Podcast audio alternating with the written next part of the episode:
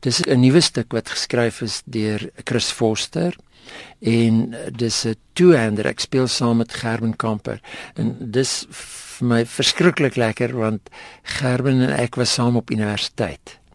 So on, ons het ek dink in die vroeë 80er jare het ons laas saam gewerk. Sjoe.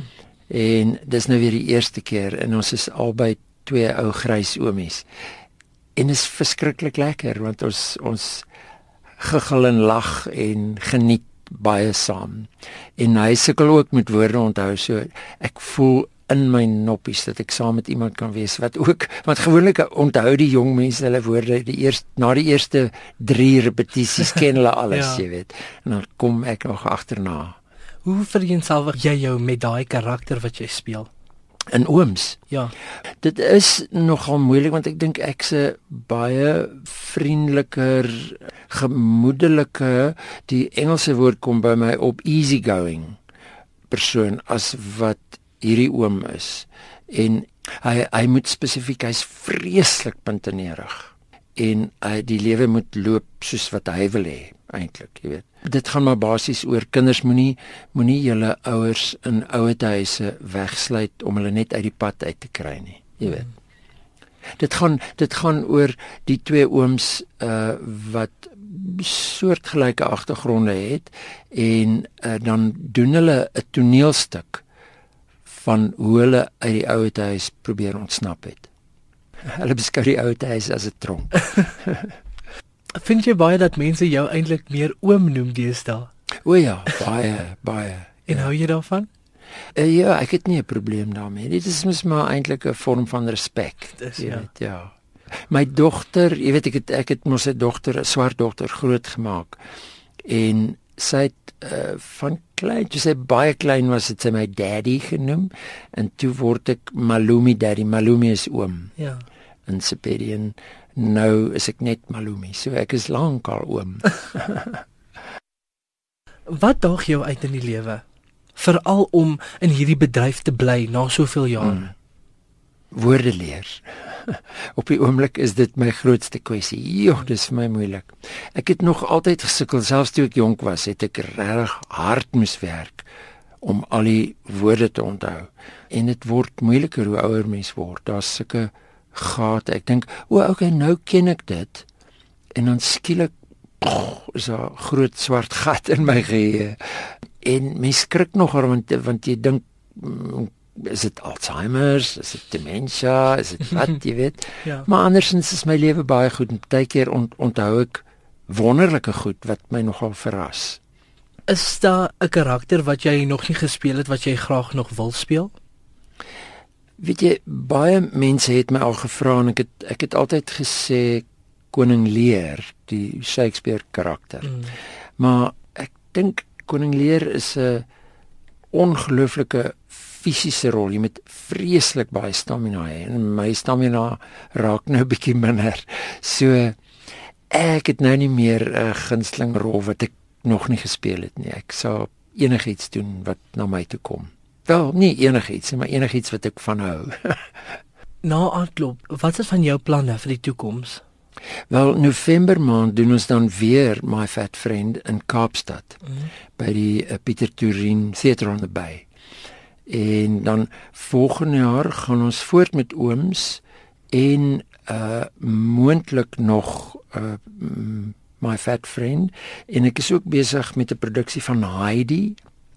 Dis 'n Afrikaanse musiekblyspel wat nuut geskryf is vir ons en is dis regtig pragtig. Dis maar die storieetjie van Heidi, die Switserse meisietjie met oorspronklike musiek geskryf deur David Boverhof en Myne Groewe het die liedjies geskryf. Is verskriklik mooi.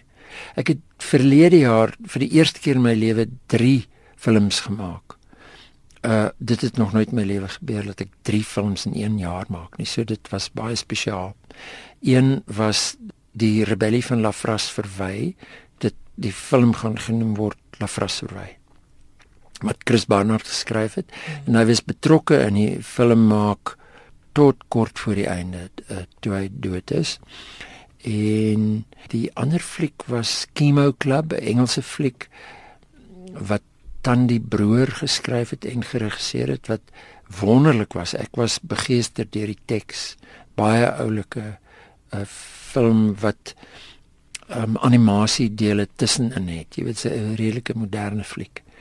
En dan die derde ene was 'n film saam met Casper de Vries vir 'n filmmaker uit die Kaap genaamd David Moore. Um met die naam Snaaks genoeg.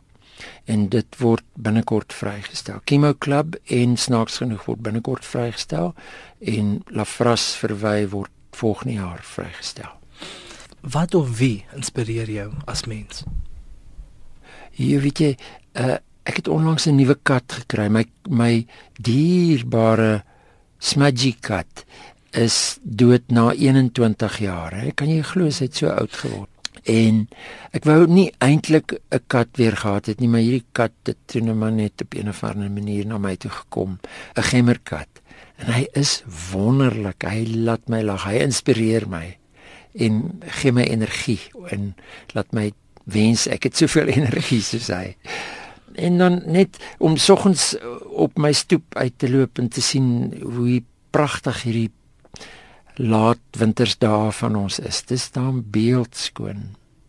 En dan dan kunswerke inspireer my. Partykeer uh as ek in die motor ry op 'n lang afstand en luister dan luister ek na RSG en dan inspireer dit my en dan dan lees ek 'n boek en dan inspireer dit my. Ek dink mense kan geïnspireer word deur enigiets. Mm. Daar is goed wat ek baie vinnig neersit of van wegdraai, jy weet. Dis kan dalk inspirasie wees vir ander mense. Ons ons beweeg op verskillende vlakke en so. So wanneer dit jou inspireer, waarna toe dryf daai krag of daai inspirasie jou? Dikwels uh, skepend. Ek wil dan self uh, skepend wees, jy weet. Ek ek wens ek was ek kan ek kan onthou 'n hele klompie jare gelede het 'n regisseur uit Engeland ja uit uh, by die Markteater 'n lesing kom kom gee. En dit het my so geïnspireer. Ek ek wou net 'n fliek maak en ek wou iets skryf en so en dit het nooit gebeur nie, maar maar dan moet mens ook maar besef geleenthede is nie altyd daar nie. Ek mm. dink ek is baie gelukkig in my lewe gewees om te kom waar ek gekom het. Daar's baie mense wat baie meer talent het en dalk meer begeesterd is, maar nie die geleenthede het nie. So wanneer geleenthede nie voorkom nie, moet mens ook maar daarmee verlief neem. So, so wanneer jy nou praat van skep, wat skep jy? gewoonlik dan 'n uh, uh, toneel of hmm. verhoogwerke. Ek probeer werk al die afgelope paar jaar as ek begeester met 'n uh, soort van 'n musical wat ek wil opvoer maar iets met um, something with a difference. Jy weet dit is dit gaan anders wees as wat mense aangewoond is. Wat doen Toby in sy spaartyd? Het jy spaartyd? Genade. Nee, ek weet nie. Ek is ek is mal oor tuin maak en so, maar ek kry nie, jy weet 'n tuin, as jy 'n mooi tuin wil hê, moet jy elke dag vir hom lief wees en daaraan werk. So ek het nie tyd daarvoor nie. Ek het nou maar 'n tuin hier. en die tuin is soort van op sy minimum op die oomblik. Ja, dis wonderlik om al die goedjies te sien blom en uitkom. En ek hou van lees. Baie ek lees meestal filosofiese goed uh, ek het lanklaas 'n roman gelees. En ek speel klavier vir myself. Ek en my suster speel 'n uh, konserto van Bach op twee klaviere. Ek het twee klaviere in my huis. Hulle is bietjie oud en vals, maar hulle werk daarom nog. En dit gee vir ons baie plesier. Dis alles maar goed om mee te ontspan. Jy weet, ek het nie vreeslike groot projekte wat ek op my eie by die huis aanwerk nie.